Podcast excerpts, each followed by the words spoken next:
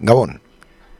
Michel Foucault Surveiller et Punir liburua irakurri duenak ezagutuko ditu kartzelaren sorrera eta helburuen gaineko zertzela da guztiak. Eriotza zigorrera kondenatuak zirenen egonleku haiek gerora bihurtu, bihurtuko ziren gaur egungo zigorreremu. Are, zigor fisikoaren gune izatetik, disiplinatzeko gune izatera igaro ziren. Egun, aldiz, kartzelak kontrolerako espazio gisa baliatzen dituztela irakurri diot Alejandro Forero soziologoari. Kartzelek, historian zehar izan duten evoluzioa ulertzea naita ezkoa da, bere kontra egiteko. Izan ere, bere helburu beinena, askatasun gabetzea bada, kartzelak ez du kontrakoa dirudien arren, preso dagoenaren askatasuna bakarrik mugatzen, bere ingurune osoaren abaizik. Kontrolerako gune denean, ez ditu barrukoak soili kontrolatzen, kanpokoak ere kontrolatzen ditu, mehatxu moduan. Horrela, Fukori jarraiki, kartzela jendartearen erdigunean ezarrita ez da estatua edo boterea isolatzen dena, norbanakoa baizik. Marra gainditzen duenak badaki zer duen atzetik. Mehatxua beti atezuan da. Hau idatzi zuen garan Mikel Ibarguren idazleak 2008 garen urtean. Angela Davisek berriz honakoa esaten du. Kartzelak eta espetxeak gizakiak austeko diseinaturik daude. Biztanleak parke zoologiko bateko espezimen bihurtzeko. Gure zaindariak obeditzen jarraituz, baina gure artean erasokor. Hemen hasten da gaur egur. Guten Tag, meine Damen und Herren. entering the United Полном основании можно сказать, знаешь что? C'est la lutte contre le terrorisme. Katea ez da eten. Agirre, garaikoetxea, leizaola. Gaur egur. Gaur egur. Gaur egur. jolasten eta enredando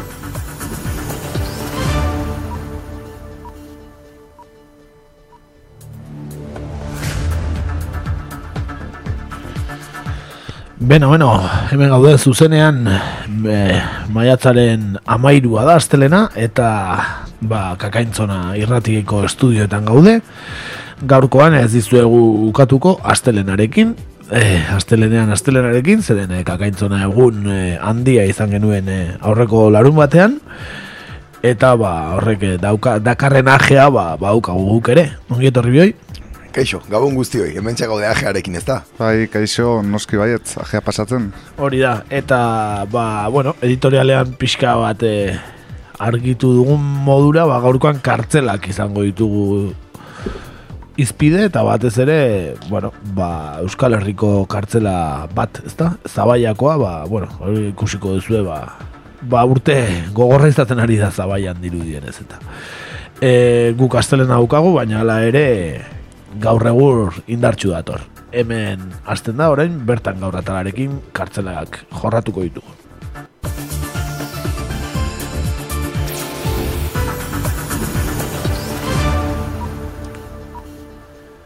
Bertan gaur.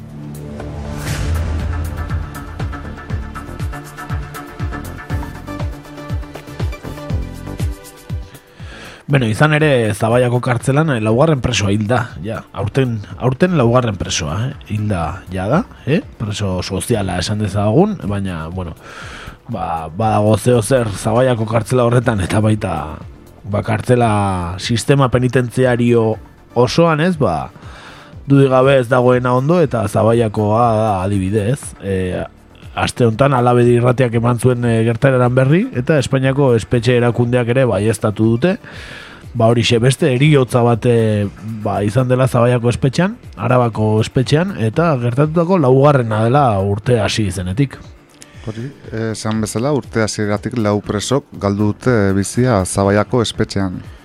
Bai, bereziegan eh, aurkitu zuten hilik goizeko zenbaketan, espetxe erakundeen zuzendaritzak eh, ez du argitu eriotzaren zergatia azken kasu honetan. Arrotza gertatu zaie senidei gertaeraren eriotza, eui gaztearen eriotza, eta uste dute arraroa dela aurretik alarmarik egon ez izana. Eta espetxeko eriotzen zergatiak argitzeko ekimen falta ere salatu dute. Lehen autopsiaren emaitzen, azken txostena amaitu aurretik, erraustu baitute hildako azken presoa. Hainbat elkartek eh, neurriak eskatu dituzte eriotza gehiago ba, egonez daitezen. Eta agintari politiko eta judizialek ez dute ekimenik espetxean gertatutako eriotzak ikertzeko. Hori salatu dute Euskal Herriko, Espainiako eta Kataluniako hainbat elkartek. Onartezina da ez ikertzea, batez ere kontuan hartuta eriotza horietatik gehienak saietz, saietz daitezkeela. Indarrean dagoen araudia zorrotz ezarrita adierazi dute elkarteek ba, manifestu batean. Eta horren arira, gogora ekarri dute arabako espetxean lau gizon hildirela urte hasieratik. Iabete bakoitzeko bat alegia. Eta gertaera horiek iragarritako eriotzen kronika dira. Salaketa elkarteak, sustatu du hainbat elkarteek sinatu duten manifestu hori, Zabaian gertatu diren azken eriotzak salatzeko elkarteratzean e, xeatu ditu manifestuaren e, nondik norakoak e, salaketak.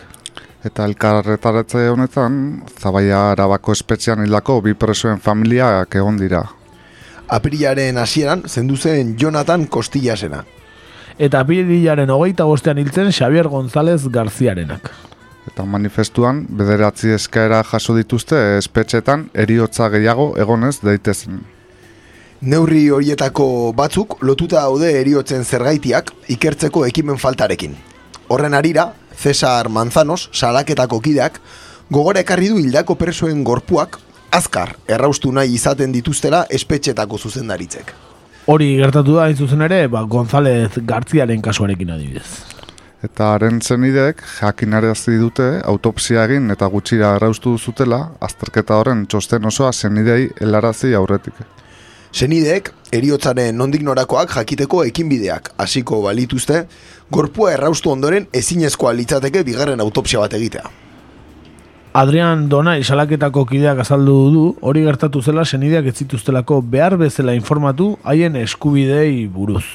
Eta e, Radio Euskadin e, e, elkarrizketatu dute aste honetan Maialen Martínez de Marigorta, salaketako kidea bera, eta ba bere ba adierazpenen zatitxo bat ekarri dugu ba auzi honen inguruan eta bueno ba ba kartzela gaur egun dagoen e, kartzela sistemaren ba aurka edo edo zer konpondu daiteken bai estatuz edo hemen txe Maialen Martínez de Marigorta.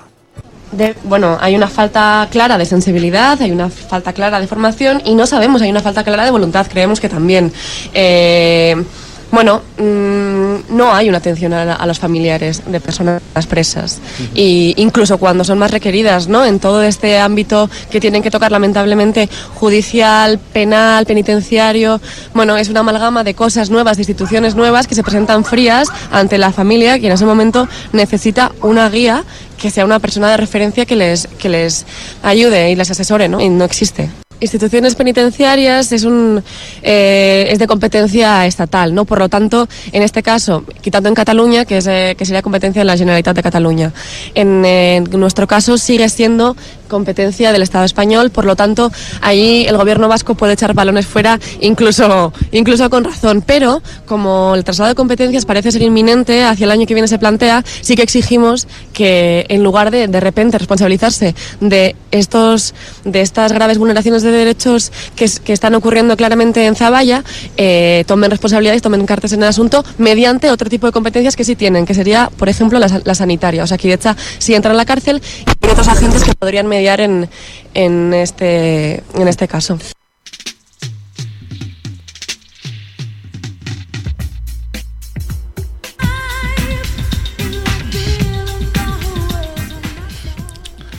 eta, bueno, e, Xaber Gonzalezen zenidek e, bi eragiten saiatu dira zuzendariarekin, eta kostiarenak bezala, hauzitegietara jotzeko asmoa dute eriotzaren erantzuteak e, argitzeko. Hala adierazi du Donaik familiaren izenean. Salaketako kideak azaldu du familiak telefonoz jaso zuela Gonzalezen eriotzaren berri, gerora espetxeko zuzendaria senideekin bildu zen, baina elkarrizketak bost minutu baino ez zituen iraun. Bilera hortan egontzen e, Marta Aldanondo, salaketako abokatua. Eta zuzendariak azaldu zien ez zutela Gonzalezen egoeraren berri eta zerbait jakin izan balute neurriak hartuko zituztela. Aldanondok gogora ekarri du urte hasierako egoeraren inguruan galdetu ziotela. Espetxean, arazoren bat gertatzen ari ote zen aipatu genionean, Esan zigun bilera amaituta zegoela eta joan egin behar izan genuen. Donaik esan du zuzendariarekin izandako bilerek zentzua dutela baldin eta borondatea badu senideak entzuteko eta erantzunkizunak onartzeko. Eta zuzendariak eman zuen arreta tamalgarria dela uste dugu eta gurasoak berriz bihurtu ditugu biktima. Gonzalezek hogeita sortzi urte zituen eta bizkaian bizi zen. Ba, bi urte eta lau hilabete zenamaten zagaiako espetxean, eta denbora horretan ez zioten baimena eman bere hiru alabak ikusteko. Eta are gehiago, azken hilabeteetan, ez zioten baimenik eman, bikoteke idearekin negoteko ere. Alaber, senideek nabarmendu dute espetxean nahasmena dela nagusi. Hola hase azaltzen du donaik. Gonzalezen gurasoi oso zaila egin zaie bermez komunikatzea haren semearekin lotutako espetxe barruko gertakariak.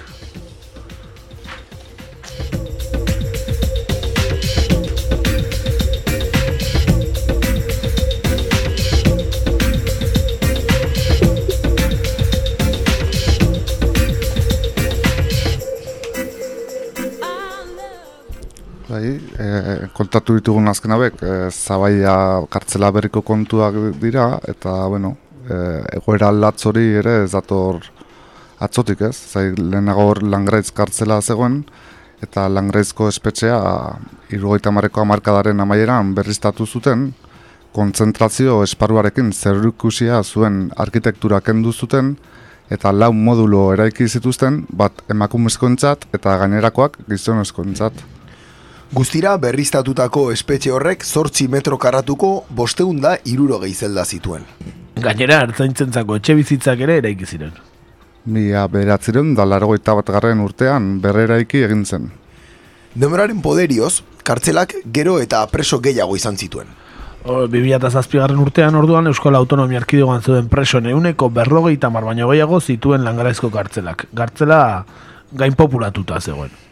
Eta espetxe handiago bat ere behar izan zuten, laingraitzen bertan, zabaian, eta ara eraman zituzten presoak 2008 garren urtean. Egun, langraizko espetxe zaharra, irugarren graduaren onuradunek gaua pasa ezaten erabiltzen da.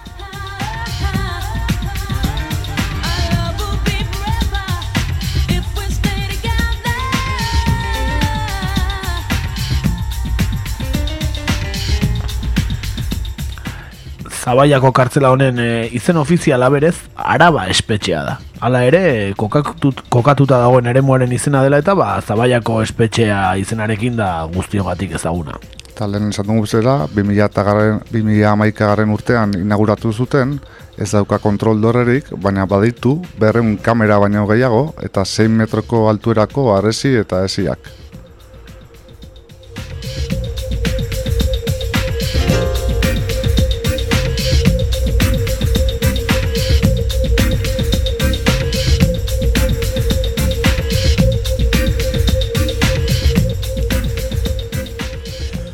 Bueno, eta araban dauden ez, espetxeen historia, ba bueno, oso iluna da, ez, esate baterako, hain zuzen ere, e, langraitz e, konzentrazio ere mu izan zelako, bai, espetxea e, izan aurretik, ez, edo guk e, gure garaian ezagutu dugun espetxe izan aurretik, Gerra Zibilan, e, Frankoren aldekoek, herrian konzentrazio esparru bat, ere zuten eta bertara Miranda, Miranda de Ebron izandako hainbat preso errepublikano eraman zituzten.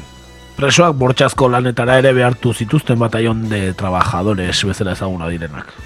Eta adibidez, inguruko herrietako arrobietan harri apikatzen eta garraiatzen zuten, errepidiak eta trenbidiak eraikaitzen zituzten eta langraizko herriko eraikinetan erreformak egiten zituzten. Esparruko garbitasun falta, gozea eta desnutrizioa zirela kausa, tuberkulosia eta kolitisa ziren nagusi bertan. Izan ere presoetako askok, gaixotasun horiengatik e, ba, ba hile ziren presoetako asko jo. Eta mila bederatzen da bergoita zazpian, kontzentrazio esparrua itxi zuten eta espetxe bihurrutu. Bueno, izen aldaketa eta pixka bat gehiago ez da.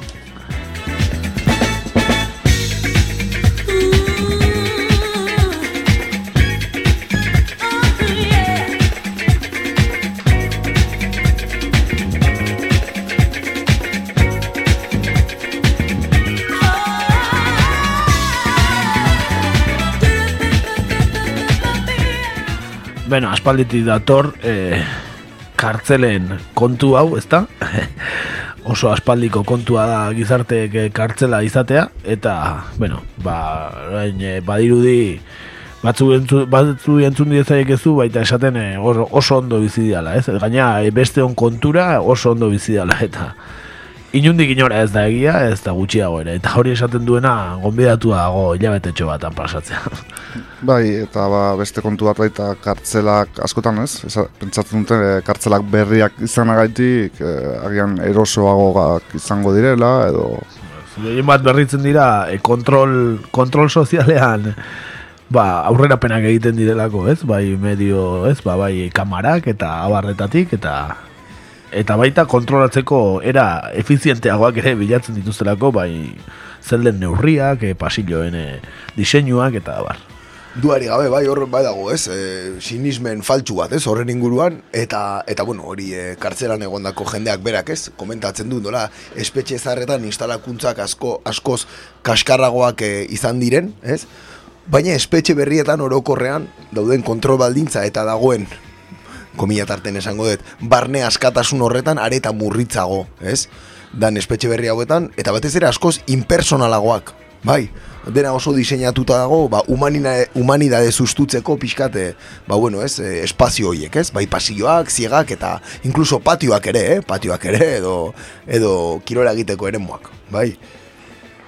Gero hori, ikusi behar, ja, laugarren eriotza dala bost hilabetetan, eh? Benetan, eh, oso oso nabarmentzeko datua, eta, eta bai, e, berez, e, eskumena Espainiar estatuarena da, hori da hor, e, eskumen horietako bat, e, negoziatzen ari den eskumen famoso horietako bat, ez bost, osei, ez da izen badean, ez? Horietako bat pesoerekin, oain pesoe berriro gobernu badago, suposatzen da, kalendario horre jarraituko duela, ez, e, transferentzien negoziaketan egutegi horrek, beraz, aurre ikusi daiteke laizter e, Eusko Jaurlaritzaren eskumena izatea kartzelen kontu hau. Beraz, ez da ez da gai eh, e, txikia eta eta benetan ea Eusko Jaurlaritzak zer nolako kartzela sistema nahi duen e, eztabaidatzeko unea ere bada. Duari gabe, ez, hor, nik uste premisa badagoela, ez, horre, hitz egiten denean, hitz denean, e, bueno, ba, eskuduntza horrekin, ez, egin nahi den e, guzti horren inguruan, ez da kontutan hartzen askotan kartzelaren arazoa ar- arazo sistemiko badela, hau da, e, sistema beraren arazoa eta eta espetxeen funtzioen e, arazoa, ez? Estadistikak begiratzen bali ditugu, e, espetxetan aurkitzen diren gaixo kopuruak, bai fisiko, baina batez ere gaixo mentalen kopuruak, edo inkluso drogodependentzi bat daukaten pertsonen kopurua oso altua da, ez? Eta pertsona horiei inungo momentutan gizarteak ez di eskaintzen rehabilitaziorako edo e, famatua den reinserzio horretarako biderik, ez? Mm nik uste dut arazoa ez dela eskuduntzan horrena den, ez? Baizik eta ze modelo nahi den, ez? Eta zein den espetxaren helburua punitiboa izatetik aratago. Eta nik uste dut momentu honetan ez dagoela inungo, ez dagoela inungo rolik espetxe batentzat punitiboa ez den e, zerbait bilatzen balima dugu, desde luego. Bai, bai, noski, bere, era bat ez baian dago e, kartzelaren papela, eta bestetikan e, kartzelara ez doa delitu egiten duena, delitu egiten duen pobrea baizik. Hori ere, beste hori da, ez? Beste entsalada honetako beste ingrediente bat, ez? Eta beti da, espetxeak beti danik txiroz beteta egon direla, ez? E, bueno, kalkuloak ere existitzen dira estadistika gorren inguruan, ez? Zein da e, e, espetxean dauden pertsonen renta e, medioa. Eta jende gu gehiena, gehiengo absolutoa, noski, e, ba bueno, oso renta maila basuetan edo marginazioa bizien jendea da, ez? Eta bestetik baita arraza kontua ere, eh? Bai, batez ere arraza minoritarioetako jendea, bueno, proportzioan asko handiagoa da kartzelan e, kalean baino. Zalantzari gabe, bai, hor badago ere estadistika bat, ez? Ba, hori, ez? etorkinak eta bai, bai, Etorkinak, ikitxoak, bai. E, ekarri nahiko nuke eta e, bo, anekdota ez diot deituko, baina ideia bat egiteko ez, arrazen kontuan nola funtzionatzen duen, e, Parisen bazegoen espetxe bat, orain e, bota egin dutena, Lasanteko espetxe famatua, Famatua, bai. Paris erdian, eta espetxe horretan moduloak e, arrazaka antolatuta zeuden. Orain dela hiru urte arte, bota zuten arte, modulo bat zegoen Afrikarrentzat, beste modulo bat Magrebtarrentzat, beste modulo bat beste herrialdentzat eta beste da frantsesentzat edo europearrentzat, ez? E, ideia bat egiteko nola, no- noraino iritsi daiteken, ez? Arraza diskriminazio hori eta eta obviamente zergaitik dagoen hainbeste jende etorkin espetxean, ez? Edo, edo arraza minorizatutako jendea. Gero, aipatu behar da, hori, e, edo zein adituk esango dizula, e, kartzelak ez duela bergizarteratzeko inundik inora balio, eta kartzelatik eto, ateratzen den euneko oso handi bat, e, bueno, probabilidade handia dituela berriro itzultzeko. Bai, bai, bai, eta gainera esaten dutenez, bueno, eta hala da, kartzelak bihurtu dira negozio iturri, ez? E, e, eredu hori estatu batuetatik dator, eta da kartzelak privatizatzeko edo erdi privatizatzeko eredu bat izaten da, eta izugarrizko negozioa bilakatzen da batzuentzat, ez? Bai, segurtasun enpresentzat, e, bai, e, bueno, janari kontuko enpresentzat, ez? Ikaragarri, areta gehi esango nuke, eta igual estatu Espainiarrean ez da hainedatuta dagoen modelo bat, baina Frantziar estatuan e, gaur egun espetxeen gehiengoa, bai, e, semi-pribatua da, hau da, e, estatuak, edifizioa eta funtzionariak sartzen ditu, eta espetxarekin erlazioa daukan beste dozer gauza, bai, hau da, bai janaria, garbitasuna, e, bueno, ez, ba, Kudeaketa, era, bai. eraikinean hori da, kudeaketa eta guzti hori, enpresa pribatuek, eta oso enpresa pribatu potente gainera, eh? parte, parte hartzen dute. Frantzian modelo hori oso, oso edatuta dago, bai, eta eta oso orokortua, bai. Ba, esaten duten ez, ez? Ba, Espainiara iristen ari eredu hori ez, eta batez ere adingabekoen kartzelen eredua, e, eredu horretatik dator. Eta lenguan salaketako bati aditu nionez, e, e, gazte adingabekoen kartzela hauek, izaten omen dira, lehenengo pasoa kartzela ondira salto egiteko funtzionarioentzat, ez?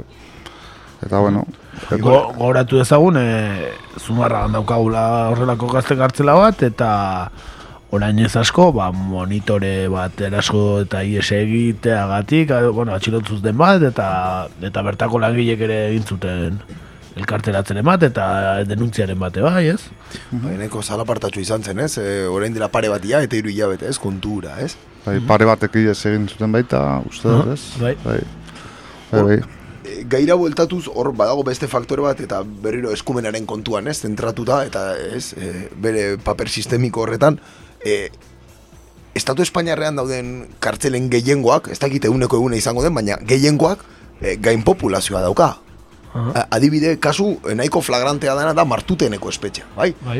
e, estatuan dauden espetxeen artean, gain populazio e, gehien edo gehienetarikoa daukan espetxea daura. Lasai horrek badu konponbidea ja, zubietan egin behar dute kartela berria. Egingo dute modernoena, handiena, eta eta berriz ere, ba, karo, e, gain populatu dago, baina e, soluzioa zer da kartzela handiagoa egitea. Ez, e, sistema ez baian jarri, eta ea nola dagoen, ba, zigor kodea eta zer den, e, ez, no, delituak nola ordaintzen diren, eta bergizateratze kontuak, ba, nola dauden, ez, eta horri, horri buruz ja, ez da beste kontua da, ez, hobe kartzela handiago bat egin, alfombra, alfombra handiago bat egin, eta kaka alfombra aspira sartu, ez. Hori da, ez? Azkenean hori da, ez dago hor eztabaidarik, ez? Kartzela handiago bat egiten da preso gehiago daudelako. Eta normalean e, hori ez da egia. Hau da, espetxe guztiak daude eginda, bertan dagoen aforoa e, aixe, ez? E, superatzeko.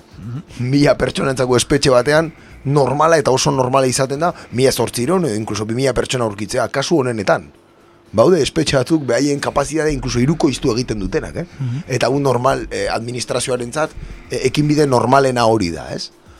Orduan, bueno, horregatik esaten dut helburua ez dela jakitea nor kudeatuko duen, baizik eta nola kudeatuko Hori duen. da, eta, ze, eta ikusi beharko da, ba, laiz territoriko dira, baina hautezkunde hauteskunde goazena, hemen, e, okaren jokua dirudi ez, zubitik zubira, ba, hauteskunde ge- gabiltzan honetan, laiz territoriko dira asko jaurlaritzakoak ere.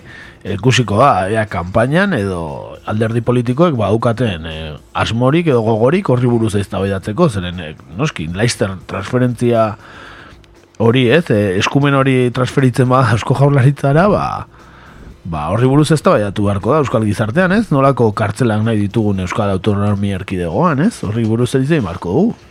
Duari, abe, eta nahiko ez da inkomodoa izaten da eh, arrazoi jakin batengatik. Behaiek ondo dakitelako, orokorren botere publikoek eta administrazioak, ez dala bakarrik espetxe modeloaren inguruko eztabaida bat. Baizik eta horretik datorrenaren eztabaida bat, hau da justizia modeloaren inguruko eztabaida bat. Eta hor sartzea eh, normalean etzaie komeni gauza asko implikatzen dituelako. Eh, A ber, nik uste dut e, jendearen gehiengoak badakiela justizia ez dela berdina denontzat, ez? Ez ez, aberatxentzat eta alderdi politikoetako kideentzat ez da berdina, hori argita garbi. Bestela, adibide garbi bat, da noi burura tortze eguna. Zumarrako seme hore dunden Iñaki Urdangarinen kasua. Adibidez, adibidez, ez? Berak aukeratutako espetxe batean kondena betetzen du modulo oso bat berarentzat eukita. Bueno, ba hortxe ez? Hortxe, edo, bueno, hortxe daukagu ez? Justiziaren inguruan asko hitz egin dezakegu ez? Baina hortxe daukagu, bueno, beti egiten dien konparazioak ez? E, kasu, e, ba, lamanadako kasua, edo, edo beste hainbat korrupzio edo kasu. Rodríguez edo- Galindo, ez? eta bar, eta bar. Mario Konderen historia, e, etcétera, etcétera, ez? Orduan, bueno, justiziaren, justizia modelo horren inguruko eztabaida oso zaila da hemen ematea, ez dagoelako buru jabetzari justizia horren ingurun reformak egiteko, ez? Gero bestalde batetik dago gizartean e, daukan e, e, bueno, arlo psikologiko hori ez, e, ba, bueno, zeo zer txarraiten badet, ba, nora noan ez, benetan e, infernura noala ez, kartzelak e, izan daitezkelako norberarentzat e, infernu bat ere ez, nola dira dauden diseinatuta eta nola bizitza eraman behar dezun kartzela hortan ez, orduan, bueno, ez delituak egitearen kontrako psikologizea bat badauka eta gizartea bueno, ba, gizartean zati batek esate una seguruagoa dagoela, ba, kartzelan daudelako, e, ba, bera kalte egin dea zaieken jendea, ez? Badauka komponente psikologiko hori gizartean, ez? Kartzelak. Zalantzare gabe, ez? Hor, e, nik uste denon buruan edo, ez? E, iritzi orokorrean dagoela sartuta kartzelara gaiztuak joten direla, ez? ez? Eta, eta azken finean ez da analisi sozial bat egiten e, pertsona hoien ibilbideataz, edo ze, e, hau da, gure gizarteak ze frakaso dauzkan, ez? Hainbeste jende espetxean egoteko, azkenean e, gizarte osoaren frakaso bat delako, eh? Ez da bakarrik individuala, edo delitua egiten duen pertsonarena, hori errexena da, ez? Bai, nola iritsi den e, delitori egitera eta zergatik, ez? Ez ote duen beste baliabiderik izan e, bizitza duin bat e, eukitzeko, edo bueno, sartzen da baita ere drogodependentzia kontuak, eta abar, eta abar, ez da?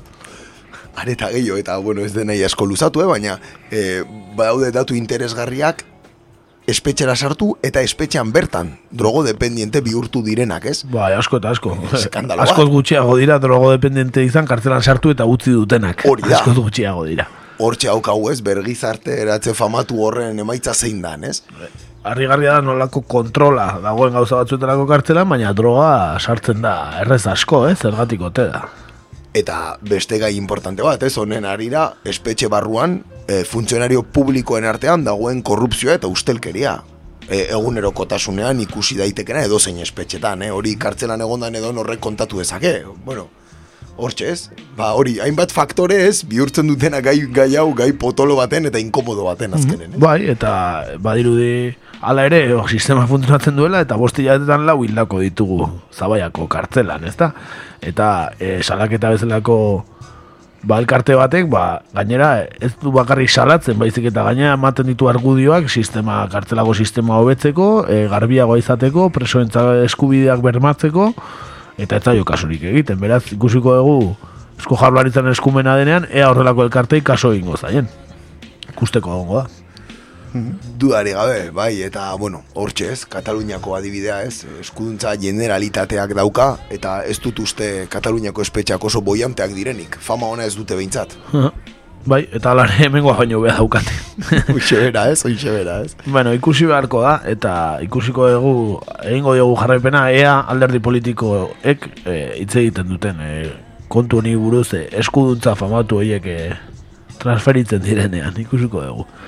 E, amaitzeko abestitxo bat jarriko dugu, Gaurko honetan MCD ekarri dugu, me cago en dios taldea, ez da, historikoa, bil, bilbotarrak, bizkaitarrak, MCD, eta bere jodete abestia, jodete diskoko, jodete abestia ekarri dugu, ba, bueno, e, belarrea pitatzen dizkionari, ba, zuzendua, ez da, ba, hori, izorratzen baizu, ba, jodete, hemen txe MCD.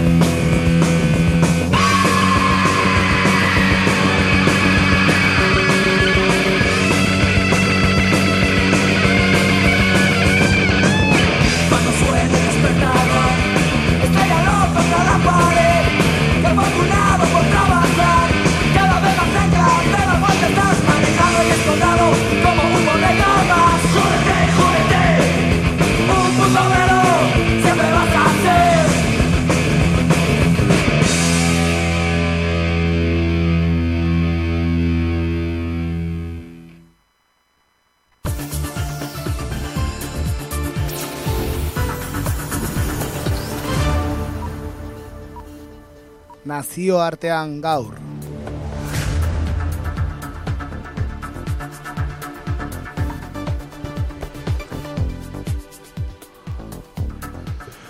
Bueno, ba, gure nazioarteko tartera pasatzen gara, eta egi esan, ba, bueno, ez, e, kartzelatik, ba, munduko kartzela haundiena, ez, den gazaraino, bai, gerturatuko gea gaurko hontan. Kartzelatik kartzelara gaurkoan. Bai, bai, egi esan, ez da, ez, ez da argitasun asko gaurko gure irratxa joan, baina, bueno, gauza korrela dare, eta... San dizuegu astelena neukala. Hoxe bera. Gai, gai gogorra ekarritu. Bai, neko gogor gaur. E, bueno, jakingo ez zuenez, e, Israelek, ba, bueno, enegarren ofentsiba militarra burutu zuen e, gazan pasaren astean. Eta, ba, bueno, luze ezina den egoera bat, ba, bueno, mugagabe luzatzen ari dira. Eta, bueno, ba, bertako egoerari eta, eta azken eraso hori buruz, ba, mintzatuko gara gaurkoan.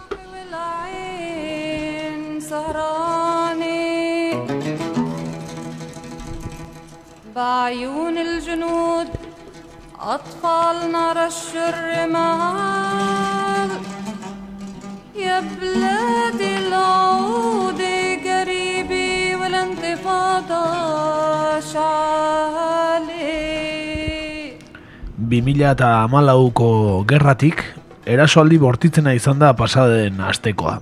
Israelek eta Hamasek suetena adostu badute ere, Netanyahuko ohartarazi du. Kanpaina ez dela eten.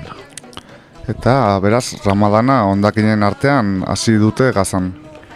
Bai, Israelek egindako bombardaketek argazki lazgarria utzi dute, aire zabaleko munduko kartzelarik handienean, dozenaka etxe bizitza, hainbat bulego eta meskita bat ere erabat suntxituta geratu dira, eta laureun bat eraikinetan kalte handiak eragin dituzte bombek.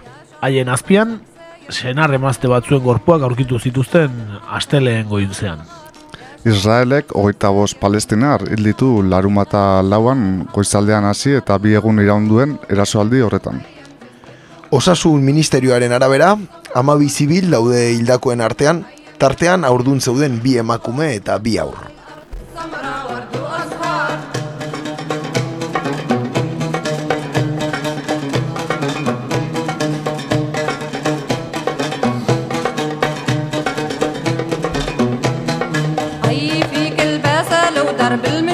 المشوار حي كفاح الخيال وحي الأحرار. حي فيك الباسة لو درب المشوار. حي كفاح الخيال وحي الأحرار. Israelen kontakizuna, ordea, oso bestelakoa da, nola ez. Eta armadak jakinarazi du milizien iruen da bergoita mar jo mugari eraso dietela eta zehaztu miliziek jaurtitako zuzirien ondorioz hil zirela aurdun zeuden emakumetako bat eta amalau hilabeteko aurra. 2000 eta amalauko gerraz geroztiko erasoaldirik bortitzena, izan da e, asteburukoa, eta astelengo izaldean bi aldeek nolabaiteko suetena adostu bazuten ere, aula eta isiekoa ez dirudi luzerako izango denik. Benjamin Netanyahu Israelgo lehen ministroak e, atzo bertan ohartarazi zuen operazioa ez dela amaitu. Kanpaina honek pazientzia eta solitasuna eskatzen ditu eta jarraitzeko prestatuta gaude. Helburua izan da hegoaldeko herritaren segurtasuna eta bakea bermatzea eta horixe da orain ere. Hamaseko eta jihad islamikoko miliziek seireundalaro geitamar, zuziri jaurti eta lau zibil hil zituzten orain amarregun. Israelek aprileko bozken aurretik e, adostutako akordioa urratu izanare, izanari emandako erantzuna izan da.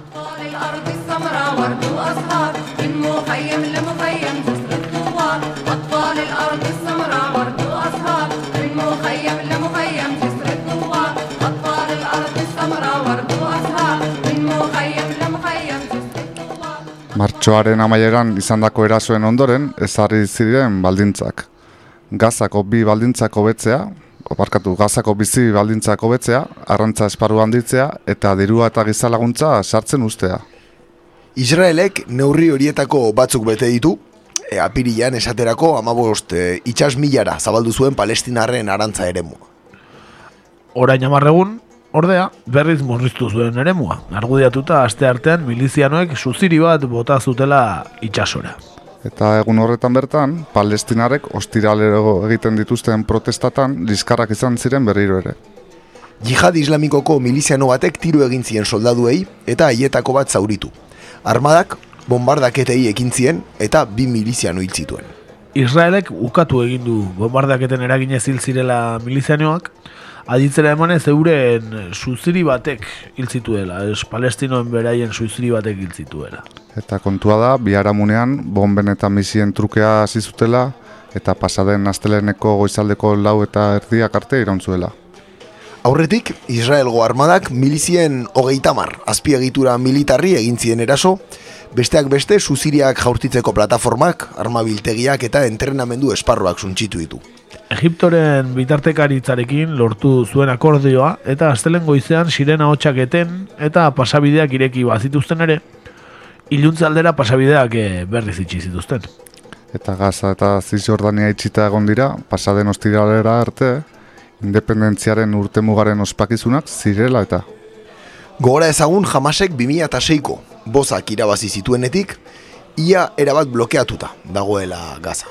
Baina zein da gaurko egun, gaurko egunean egoera gazan, orain hitz egingo du.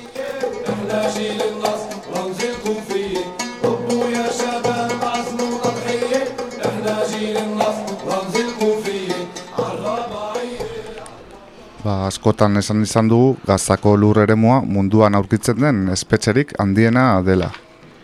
Kontutan izan ezagun munduan biztanle dentsitate handiena duen lurraldea dela Gaza.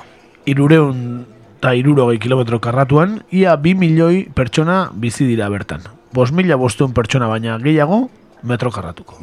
Kilometro karratuko. Eta erreferentzi moduan, Gipuzkoar lurraldea, baina bost aldiz txikiagoa da Gaza.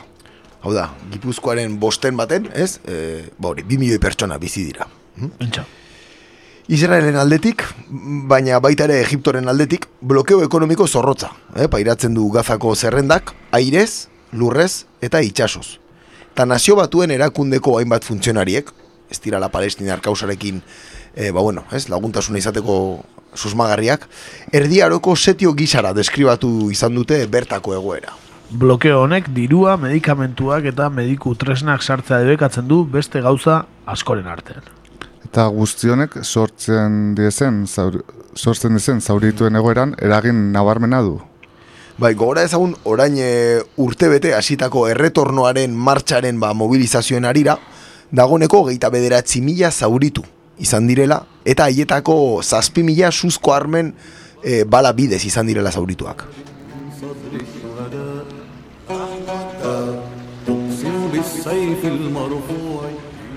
Bestalde, mobilizazioetan berreunda iruro maika palestinar erail dituzte Israel dal militarrek. Tartean, berrogeita mabost adingabe.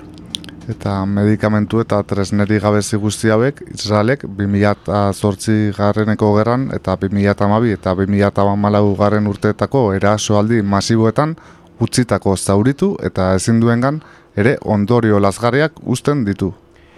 Pertsona hauei behar dituzten tratamenduak eta zaintzak emateko ez da gai, gaurko egunean gazako osasun zerbitzua. Maila sozialean ere eragin zuzena du blokeoak eta gazak munduko langabezi tasa altuenetakoa dauka. Gaurko egunean, biztanleen euneko berrogeita marra baino gehiago langabezian dagoela kalkulatzen da, eta gazten euneko irurogeia baino gehiago. Bestalde, palestinar enpresarien elkarteak, orain gutxi adierazi zuen gazako zerrendako enpresen euneko laro gehiatama bosta itxi dituztela azken amar urteetan.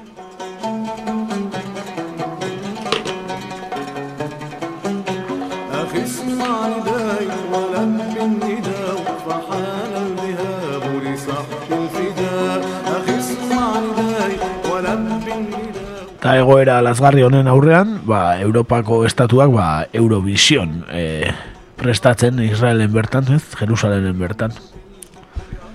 Bai, bai, bai, ala da, eta Israeli zugarri ondo etortzen zaio hau, ez? Bere irudia garbitzeko, e, irudiona mundura zabaltzeko, eta, bueno, e, urtero, azken urteetan mentzet, urtero egiten du e, data hauetan, olako mugimendu ezagit, eh, ez? Bai, ekitaldi internazionalen bat, adibidez, gora ezagun, iaz, e, Italiako giroa anasizela eta lau bost etapa egin zirela, gara jontan, e, bertan ez da Israelen. Bai, bai.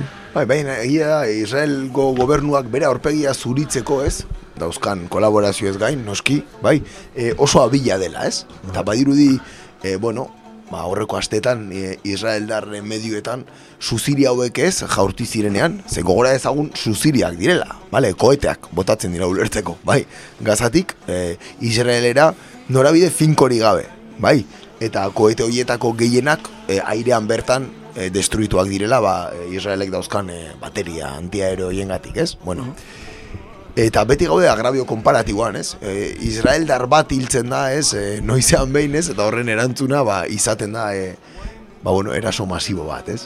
Zenbatetan e, bu- burutu dira e, ba, eskolen destrukzioak, ez? Edo, uste dut orain, e, e, Palestinako e, historia museo bat suntxitu dutela, bombardaketa batean, bertan zegoen patrimonio guztiarekin, bueno, ixe, ez? Ez da hor, e, Ba, bai, ikustekoak izan dira irudiak, e, adibidez e, baita beste misil batekin erasotu eta kotxe bateko kotxe bate lehertarazi eta nola bere e, adibidez e, gurpila e, ba, bederatzi pixuko etxe bizitza baten gainetik egana ateratzen dan eta ez, ba, ba benetan irudi ikaragarriak edo nola soldaduak e, metraieta luze eta handiekin eh, eskola batera sartu eta bederatzi urteko ume bat eh, atxilotu nahi izan duten, bueno, atxilotu zuten, ez, ge harriren bat botatzeagatik, hori dana ikusi da aste honetan adibidez.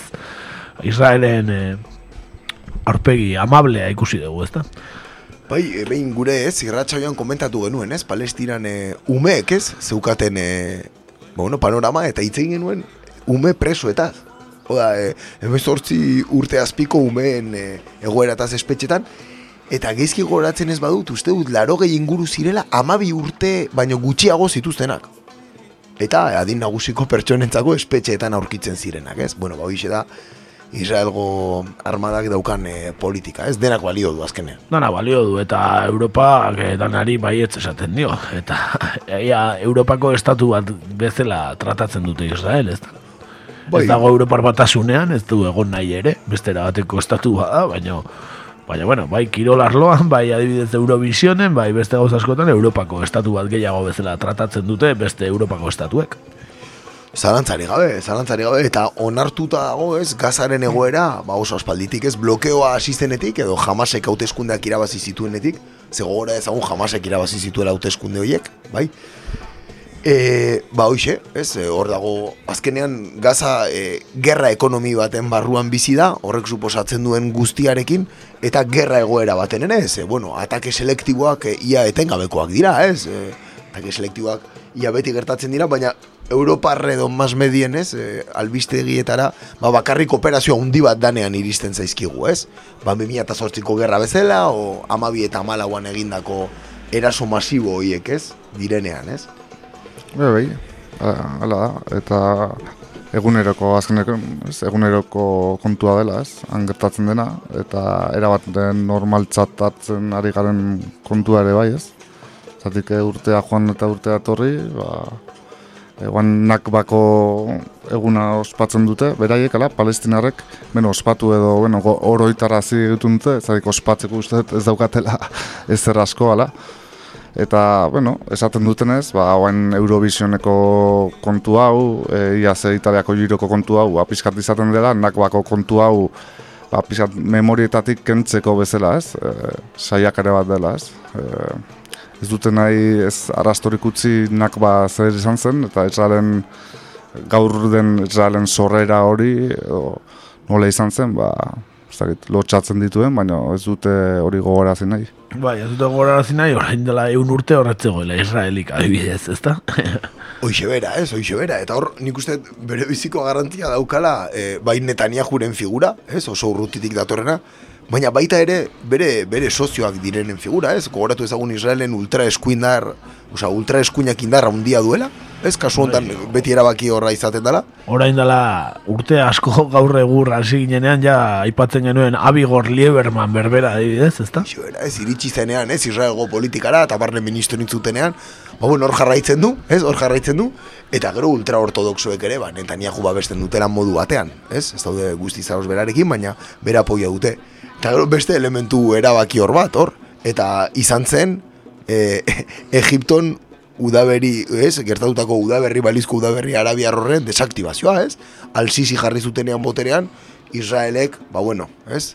e, arnaz fuerte hartu zuen, ba, nahiko alibiatuta gelditu zirelako, ez? Eta beraien kolaborazionista oso, ba, bueno, e, fidela dalako alzizi bera, ez?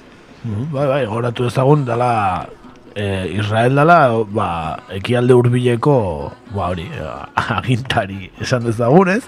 Berak e, dominatzen du bertako politika guztia eta bertako berai arteko gatazka ezberdinak, bai Iranekin dituenak, bai, bueno, Sirian gertatu den gerra guztiontan ere izan du bere papela, Egiptorekin daukan papela ere bai, Ba, Gero egia da, behaiek ez, eh, herrialde jodutarra ez, defendatzen dutela, ez, ba, balizko musulmanen e, mehatxoaren aurrean, ez, baina gogora ezagun bere sozio preferentea Saudi Arabia dela, eh? eta hor ez dago inungo arazorik e, e, islamismo ekstremistanearekin e, paktuak egiteko eta akordeak izateko, hor ez dago Ba, eta beti izan duela estatu batueken babesa, eta orain Donald Trumpekin e, argi eta garbiko babesa gainera, eh? E, baita nola enbajada aldatu zuen Jerusalemera, eta abar eta abar, ezta? Gaur entzun dut azken orduko berri moduan e, golaneko zonan, bai, asentamentu berri bat eraikiko dutela, eta Trump asentamentua deituko dela. Bitu zen, no? Trumpek egindako azken ekintza. Tramposotik trampera, eh? Ba, bai, e, gorature bai, nolako estatua den Israel, ezta? Adibidez, e, segurtasun arloan, e, ba, munduko potentenetakoa, e, beste, ba, berak daukan, e, bere agentzia, inteligentzia agentzi famatua, ezta? E, Mossad, eta nola beste herrialdetako inteligentzia agentziak ere bueno, entrenatzen dituen e, e, bueno, agentzia dela Mossad eta bueno, mundu guztian dabilena, mundu guztitikan jendea hartu atxilotu, baitu Israelera eraman, e, Erail ere, eh? erail, kanpoan edo zer gauza. Eta era bat arro egiten dute, eh? adibidez eh, Netflixen bertan serie bat daukate eh, Mossadekoak arro asko beraien ekintaz ap- aipatzen, eh? Bai, e, Iraneko kasuan, ez, hemen ere komentatu genuen bere garaian, nola eh, programa nuklearrean, ez, zebiltzaten hainbat fisiko edo ez, edo zientifiko eraiak izan ziren. Ba, bai, eta hotel batean tenistaz jantzita sartu Xuera, zian Mossadekoak. Ez dago inungo arazoik, ez? Bai, Eta- eta, eta, eta baita, ez, behen ekintzan nabarmenetakoa izan zena, irugaita mabiko ol, olimpiarrioko, hori, olimpiarriokoetan, bueno, izan ziren, bakizu, e, baitze, baitze eta gero ondoren hil zituzten, ez, e, kirolari horien ondoren, ba, egon zen atxiloketak eta, bueno, e, bueno atxiloketak ez, Mendekua, mendeku, mendeku horretan, hor propaganda bikaina egin zuen Mossadek, eh? Eta, Bai, bai, bueno, gero Steven Spielberg ere, bai, ez, pelikulak eginez. hori da. Bai, bai, neko irudi ona dago orokorrean, ez? Israelgo estatuaz eta bere sorrerataz, nola oso modu komunitarioan antelatu, antolatu omen ziren bertan, eta de hecho horrek nahiko admirazio sortzen du, eh, ni harrituta gelditzen naiz askotan, incluso Kataluniako independentisten artean, ez? ah, bai, ez? beti zoriotzen du, adibidez, ez? Eh, bitxi egiten zait, ez? Horrelako estatu bat eh, zoriondu izate edo Bai, referentzi izate. baina Euskal Herrian bertan ere egontzen horrelako olatu bat bere garaian, eh? Adibidez, eh, filologia kontuan eta beti Israelera begiratu izan da, nola, eh, bueno, hizkuntza judutarra berreskuratu zuten, edo modernizatu, hitz egiten dutena da judutar moderno bat, edo, ez? Ez da nola dan, eta nola, bueno, hizkuntza ez aldaketa hori egontzan, ez? Inmersio linguistiko hori eta bueno, hortarako ere filologoak eta Euskal Herrian ba askotan joan dira eta eta askotan aztertu dute, ez? E, bueno, ez dakit niretako eredu oso ona denik Euskal Herriarentzat, egia esan, eh, baina Bai, Israelek desde luego badauka, bai, badauka zer aldatu, madre mia. eta goratzu ezagun ertzaintzaren eh, Formazioan ere, gorputz bereziak diren eh, berroziak ere eh, Mossadek entrenatua direla adibidez, ezta? Bai, esan dezakegu hori, ez? Sionisten zia, ez? Bilakatu dela Mossad hori, ez? Eta eta bueno, eta beste alde batetik besterik gabe aipatzearren azken faktore importante bat, ez gazan gertatzen denan inguruan eta da batez ere fakzio palestinaren artean dagoen leia hori edo edo kontra hori, ez? Hau da Hamas eta Al-Fataren artean dauden e, diferentzio horiek Israelek ere ederki aprobetxatzen dituela, ez? Bai, badirudi alfatarekin eh, tratu gehiago do egiten duela, edo, bueno, ala ematen du kanpotik bintzat, ezta? Bai, bai, eta ez erkendu gabe, Zisjordenen ere oso egoera lazgarriak daudelako, bai. Baina egia da, e, jamás boterera iritsi zenean e, gazan, hor artilleria guztia atera zuela Israelek, ba, eskutatik juten zitzaiola. Nola zen jeke ura ere nola akatu zuten misilarekin. Jeke jasin, Jasin, bai, eh, misil batekin, ez? Bai. Mugiko reabiali zuten, ez, misil bat, Hori bai, bai. eta akatu egin zuten, ez? E, bueno, e, besterik ez baukazue, beti bezala Israel eta hitz egiten dugu bakoitzan bezala gogoratu e, kanpaina internazional badagoela mundu osoan e, Palestinaren alde eta Israelen aurka, hola zuzenean, eta Israelen e, enpresen aurka eta Israeleneko enpresak bueno, enpresa produktuak ez erosteko boikota dagoela internazionala eta jarraitzen duela, eh? Eta hori dela boikot desinversiones y sanciones contra Israel, ezta? Eta adibidez boikot israel.neten daukezuela informazio guztia eta zein diren enpresa eta produktu horiek, ba, ba ez kontsumitzeko produktu horiek eta ba, bere garaian apartheidarekin eta egintzen bezala, ba, boikota egiteko Israeli, ezta? Eta hori esan da, ba, hori gogoratu boikotisrael.neten daukazuela informazio guztia eta abestitxo bat ekarri dugu Palestinako atalau amaitzeko gaurko honetan e, berri txarrak ekarri dugu ezta? Bai, bai. eh, Paiola diskoko abestia Hori da, bai, paiola diskokoa Arren Darwish deitzen den Uste abestia. dut hilabete honetan bete direla ez da itamar urte edo Paiola grabatu zutela edo Bai. bai. zer ikusi aurrekoan Eta nahiko diska e, minus baloratu izan da, jende askori ez zitzaion gustatu. Egi esan bere merito bat zeukan, da analogikoan grabatuta zegoela. Bai, eta Steve Albini handiarekin gainera, eh? Xelakeko gitarrista eta, bueno, Nirvanaren diskoa grabatu zituena, eta, bueno, oso famatua eh, musika munduan Steve Albini, bera grabatutakoa, berritxarraken disko hau, paiola, Bai, Eta hori ez zuten bate ordenagailurik erabili grabaketa horretan. Eta egi esan, bueno, neri beti gehien gustatu zaian diska izan da, ez? E, bere karakteristen, karakteristika horien ez? Eta, bueno, abesti honek eh, Mohamed Darwish, bai, e, poeta palestinaren ingurun hitz egiten du, bere hitz batzuk ere erabiltzen ditu, eta, bueno, horregatik ekarri dugu abesti hau. horixe, arren darwish paiola diskokoa, berritxarrakena, entzun dezagun.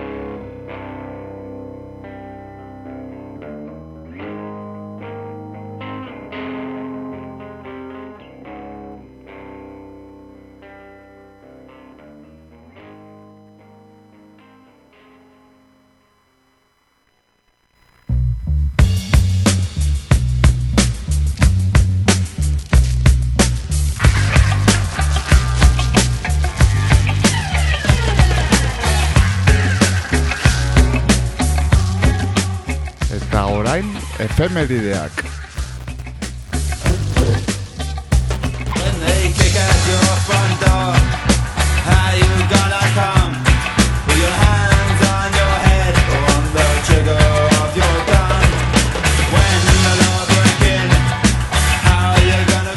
Beno, gaurkoan eh, efemeridetan eh, eskas xamar, eh? Aste hau badirudi mundu mailan nahiko opor astea izaten dala, eh? Urtero, urte, zeren ez dira gauza gehiegi gertatzen, eh? ba, maiatzaren amairutik emeretzirako aste horretan. And your life you like it well, but surely your No, eta azteko eta behin, maiatzak, eh, maiatzaren amairura joko dugu, mila zortzireun da berrogeita laugarren urtera, eta Espainian Isabel Bigarren areginak dekretu bidez Guardia Zibila sortu zuen. Gauza gutxi gertatzen, baina oso garrantzitsuak, eh? Adibidez, hau, eh? eh, benetan maitea degun eh, gorpu poliziala, ez da, guardia zibilarena, ez da, el instituto armado, deitzen diotena, ez La da? benemérita. La benemerita, Zibila baina militara. hori da, hemen eh, txapelokerrak bezala ere ezaguna, baita beste batzuk ere, ez? Hori, ez ditugu zorion dugu, ez da? Ez, ez, ez, ez, egia esan ez. Agian, eh, hemendik alde egiten dutenean zorion duko ditugu. Hoxe bera.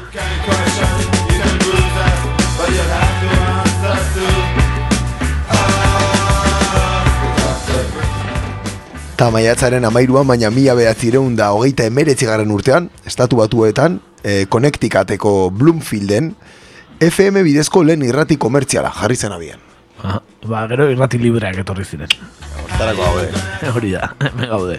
Leicester FM, Leicester, Leicester, Leicester. Eh, kakaintzona egun paregabe honen ondoren ateratako dirua ba, FM egoteko inbertituko dugu eta Leicester egongo bera berriz ere, FM.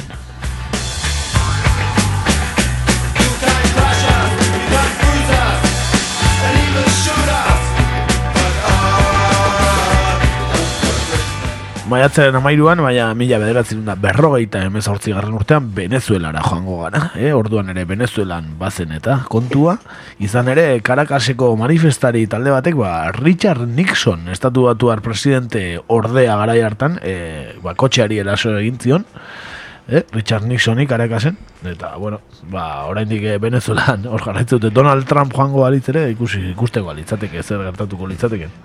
Zet uste Venezuelako armada bolibartarrak segurtasun handia girik ebango liokenik. Ez zuztenik ere.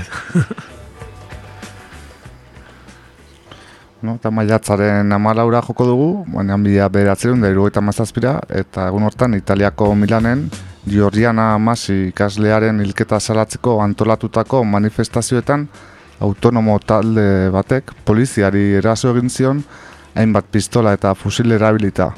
Eta Antonio Kustra polizia hil zen istilu horietan.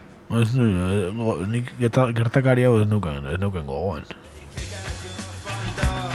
Bere garaian, bai, uste dut banda basoti taldeak honen inguruko abesti bat zuela. Banda basoti talde mitiko italiarrak, ez? Aurten jodu, eh? Uste, eta gazte topagunean edo jozuen, eh? Banda basotik. Bai, abeslaria hiltzen, ez? Okeraz Bai, banago, baina bai. jarraitu dute. Bai, entzun dute kaki arkaratzen seme arrukulako gitarra igozala abestiren bajotzea edo lago ez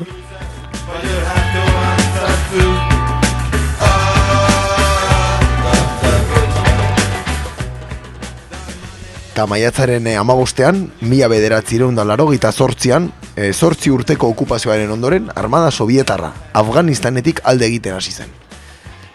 Ba, gero etorri zen etzan hobea.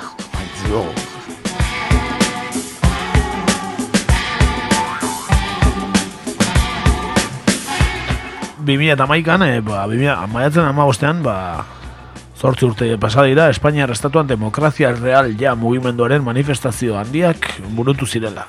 Eta ordutik, ba, kibu, eskoz demokrazia osasuntxua dagoela Estatu Espainiarrean.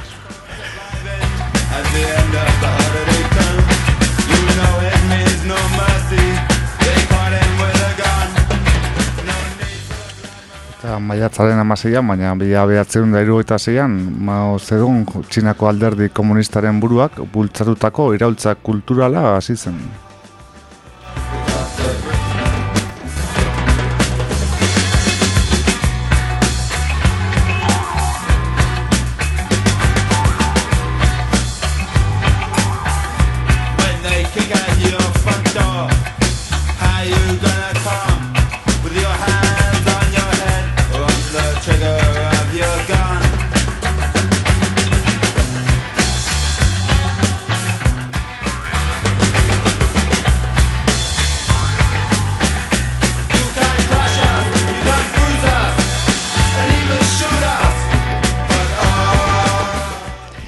Eta maiatzaren emezortzian, mila bederatzireun da berrogeita bat garren urtean, agian asteko efemeriderik importantena izango da azken hau, Dudari gabe.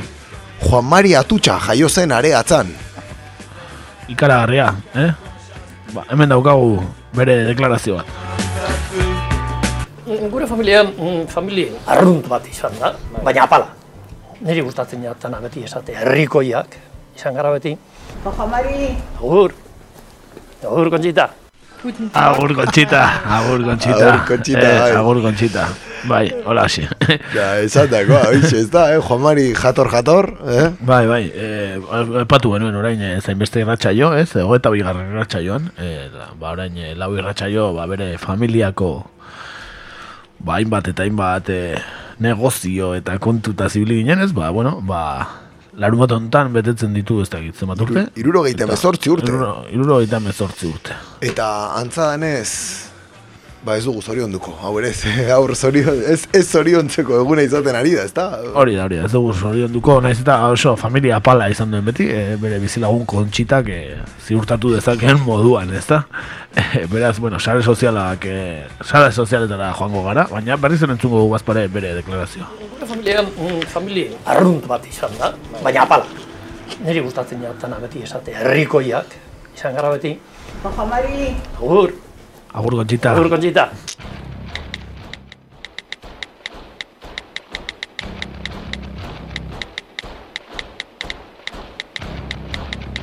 Und das deutsche Volk Sieg ein!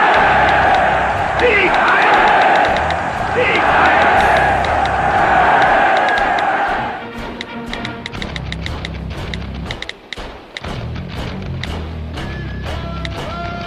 Badatoz SSA.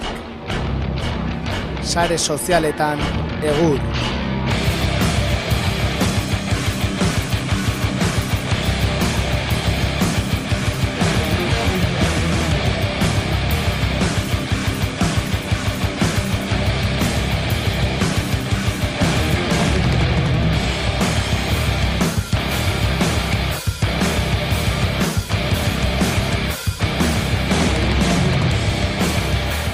Beno, ba, guazen sare sozialekin, eh, gaur eh, lehenengo gaia ekarri duguna, ba, Abel Azkona izan da, eh? hemen eh, atal honetan ah, aurreko denboraldian hainbeste momentu hon pasarazi zizkigun eh, artista naparra, eh? Abel Azkona, eta ba, esan eh, ba, epait, eh, epaiketa daukala ez, eh, ba, aurreko aste artean bergako lehenengo instrukzio epaitegian Bartzelonan deklaratzera deituta zegoen Abel Azkona, e, artista naparra, eta bigarrenez, amen izeneko pieza batengatik profanazio eta erligio sentimenduen aurkako delituak egotzita.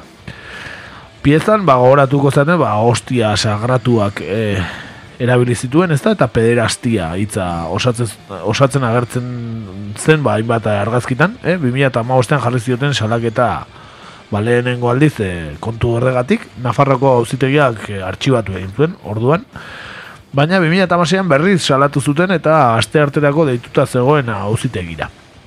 Azkonak e, hala ere ba, ez agertzea erabaki du eta sare sozialen bitartez jakinarazi du ba, Lisboan dagoela. Eta Portugalgo gobernuak asilo politikoa ere eskaini diola kontu guzti honegatik.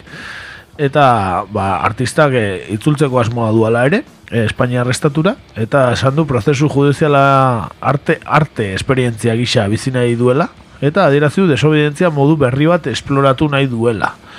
Ikusiko dugu ze modu, eh? jakinda nolako e, kontuak egin izan dituen abelazkonak, ikusiko dugu ze desobedientzia modu ekarriko ote duen, eh? Gogoratu bere e, perian alean e, America Great Again tatuatu zuela jendearen aurrean, eh? beretan ikaragarria izan Kriston zena. performance izan zanura, eh? Hori da, hori da, bere uzkiaren bueltan, eh? idatzi zuen America Great Again, eh, Donald Trumpek idatzi zuenean. Benetan, eh, beraz, ikusteko gaude, ba, desobedientzia modu berri hori zein dan, eh? Benetan, eh? ikaragarria seguru. E, bere deklarazio batzuk ekarri ditugu, lehenengo aldiz bere ahotsa entzungo dugu gaur egurren, eh? Azkona, Abel Azkona handiaren eh, ahotsa entzungo dugu. No debo volver a ir a los juzgados, no debo volver a seguir dando pábulo a gente que lo que utiliza es el miedo, los juicios y utiliza a los artistas para que estos se exilien, para que estos acaben en prisión. O sea, que hubiera usado hostias no consagradas no hubiera pasado nada de todo esto y evidentemente la pieza no hubiera tenido ninguno de los fundamentos que tiene ahora mismo. Aipatu eh, sare sozialetan ondorengo txio hau idatzi zuela. Eh? Yo no me habré presentado al juzgado, pero Dios, el ofendido, tampoco. Estamos en empate. Ona. Abel, beti ona Abel, eh? Benetan bikaina Abel, eh, bendik eh, ba, gure elkartasun osoa dudarik gabe, eh, artista naparrarentzat eta bueno, eh, gure gomendioa da Portugalen hobeto biziko dela seguru, seguru, seguru. Dudari gabe, dudari gabe. E, gu beti Abelekin, eh? Erabaki hori aspaldin hartu genuen. Bai, bai, bai. Beti berekin eta orain ere bai, noski eta bueno, baia zertan bukatzen dut, seguro ez doala ezertara, lehenago ere artxibatu zuen Nafarroko auzitegian, pentsatzen dugu Bueno, ez agertzeak berak eh, badauka bere delitua, ez da, beraz, baina, bueno, ikusiko dugu, ba, desobedentzia modu berri hau zein izango den, gu behintzat ikusteko gaude, ziur. Eta zai, a ber, a ber zer egiten duen gure abelazko handiak. Ez gaitu def defraudatuko durik ez tegat. besarka da bat, abel.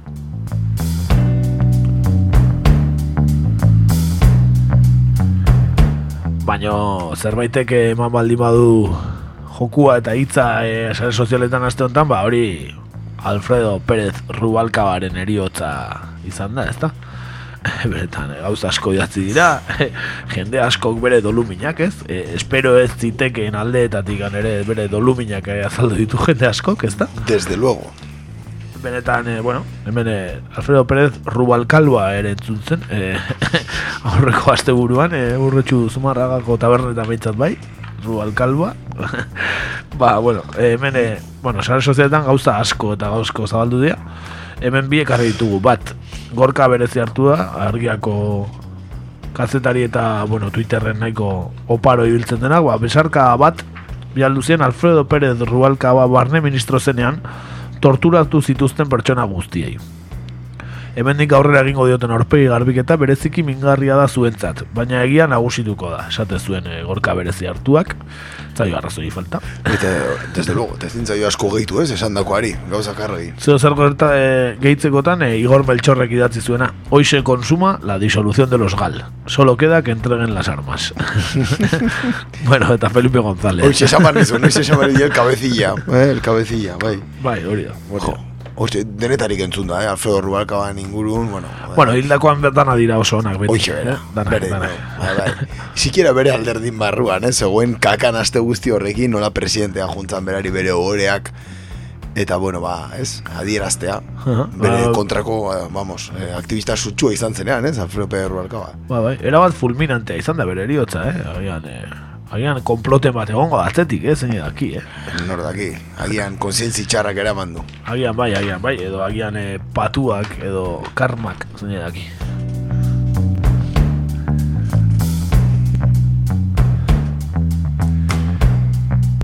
Hala ere, badaude gauza gehiago sare sozialetan eta beste bat ekarri dugu, izan ere, kanpainan gaude, hortu ez bat libazarete, eh? berriz ere kanpainan gaude, eta ba, kanpaina hortan, eh, bueno, ga, danetik egoten da beti kanpaina guztietan, eta hontan, ba, bueno, badago bat, dala, ba, senperrek, eh, Mikel Erentxuren abesti batekin atera duen eh, abesti puska, eh? Bene bada. Benetan, bikaina abestia, e, eta, bueno, ba, entzun egingo dugu, lehenengo eta entzun egingo dugu. Bega, guatzen entzutera, senper eta erentxuren abesti bikaina gu.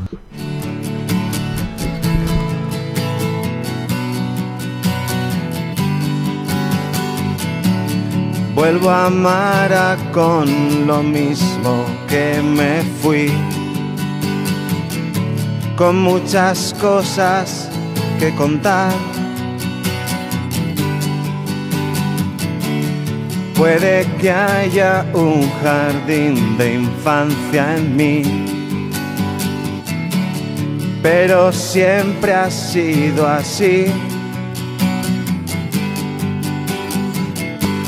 El mundo entero es muy pequeño para mí y no quiero olvidarte.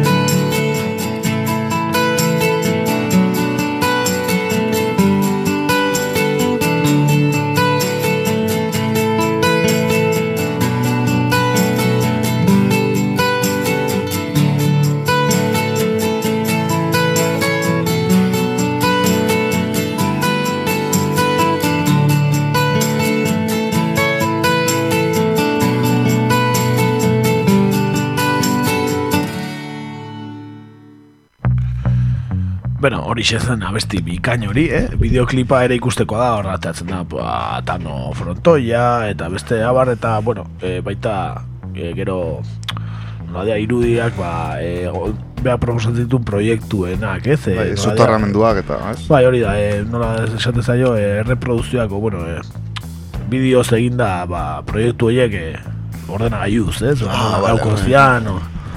eta, bueno, ba, benetan, ahots ez dia, senperrena, eh? ez dugu, e, mila berrunda kateko lagunei utziko dugu e, epaitzen musikarena, edo letra berriz e, itzen lioako lagunei, baina, bueno, gunei behitzat asko gustau zait. Oso ona, oso ona, ahots bikaina, eta, bueno, de hecho, komentatzen daia ez, eh, la voz edo programa hortara jongo da, laizter, ez? Bai, zera, autotunea sartu atope eta venga. venga.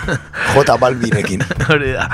Esan e, e, Mikel Erentxun bera, bueno, bestia Mikel Erentxun ez eta berak e, esan duela, ba, nahiko lukela Borja Semper izatea donostiak urrengo alkate. E, eta e, esan ebai, bueno, ikusiko zenuten, ba, Borja Semperrek bere propaganda guztian, e, propaganda elektroa guztian, e, ez duela erabiltzen e, alderdi popularraren logoa, eta oso txikian, eta ez, ez, ez du nahi lotzea Partido Popularrarekin, ematen du independiente badala, ez, ez dala alderdi popularrekoa, nun, bueno, lanetik izan da ja alderdi popularrean, Bai, bai, guztiz gaina, bai, bai, eh, iskutuan horre. Bai, izkutuan eta horregatik adibidez Ander Izagirrek hola idaztezun. Pues normal que Mikel Erenchun apoya a Borja Semper, porque ves sus carteles electorales y te preguntas, las gaviotas, ¿dónde habrán ido, eh? Bakizu, eh, Duncan Duren abesti mitikoa, ez? Cien gaviotas, ¿dónde irán, ez? Ba, bueno, ba, Borja Semperreko gaviotak ere baldin dute, bai, kaio erik ez dago hor. Eta honek ekarri digu, ba, hausnarketa sakon bat, gure irratxa joan, eta izan da, ba, zein, zein izan daiteken ba, beste kanpainako abesti bikain bat, ez? Ze, ze alderdik, eta eta zein abesti, ez?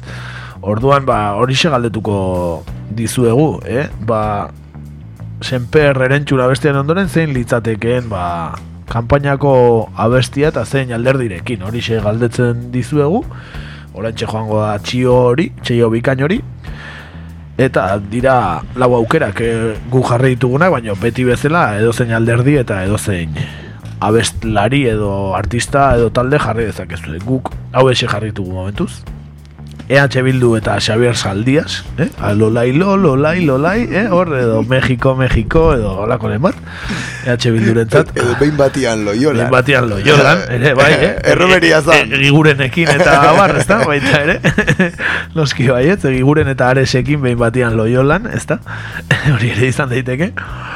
E, baita ere EAJ EAJ eta Gorpuzkins, eh, handiak, eh, trap, euskal traparen eh, ba, erreferenteetako batzuk ez, ondarribikoak direna gainera ez, alardearekin eta EAJarekin ba, oso ondo ezkondu dezakete, Gorpuzkins, eh, EAJ.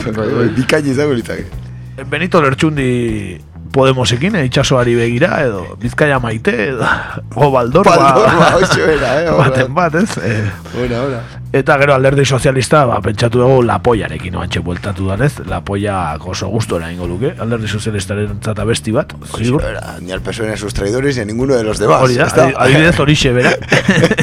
adibidez horixe bera. Bueno, ba, horiek eh, gure aukerak, baina beti bezala edozein gauza jarri dezakezu, edozein alderdi, adibidez ez dugu ezer jarri boxentzat, ez ziudadanosentzat, ez unida alabesarentzat ere ez, ez da taldea eta dana dagoen unidad alabesa, baina, bueno, ez zine daki. Ba, zuek esan, e, hemen doa txioa eta zuen erantzunen zaigatzen gara. Esan aurreko asteko galdera serio goazela eta zan ea Venezuelan estatu batuen interbentzio militar bat gertatuko ote zen eta baiezkoak irabazi du, baina ez asko batik, eh? Euneko berrota emezortziak. Ah, Euneko berrota biak uste du ez ez. Beraz, bueno, hortxe hortxe. Ikusteko dago Venezuelan zer gertatukoen. Ez da gi- gehiegi aldatu aste honetan panorama aurreko astetik Venezuelan. Hor jarraitzen du kontua, eta oraingoz ez, ez du ematen berri asko dagoenik. Hori da. Ba, horixe gure atletik geneuzkanak, Borja Senperren abesti puska hau eta gero. Ba, gauza gutxi gehiago, eh? Ia egin dugu gaurkoa, eh? Ordu, ja, bederatziak eta hogeta bi dira. Beraz, bueno, nahikoa, astelena izateko, nahikoa, eh?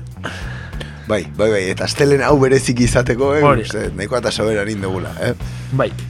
Ba, hori, eh, azken abestitxo bat ekarri dugu, eh, nola ba, arrosa, ui, arrosa, irrati, kakaintzona irratiko eguna izan zen larun batean, ba, jo zuten e, fitxek, lehu gaztean jarri genula bestia, eta eta dukak ere bai, talde bikaina, kontzertu bikaina eskaini zigun, baina ekarri dugu aurreko urtean kakaintzona egunean jo zuen talde bat, fusible, disko berri atea bai du, eta ba, bere disko berriko abestia ekarri dugu, crowd, crowdbun, eh, lapurdiko taldea da fusible, talde bikaina, iez hemen iku- euki genitun, eta bueno, ba, abesti horixe ekarri dugu despeditzeko.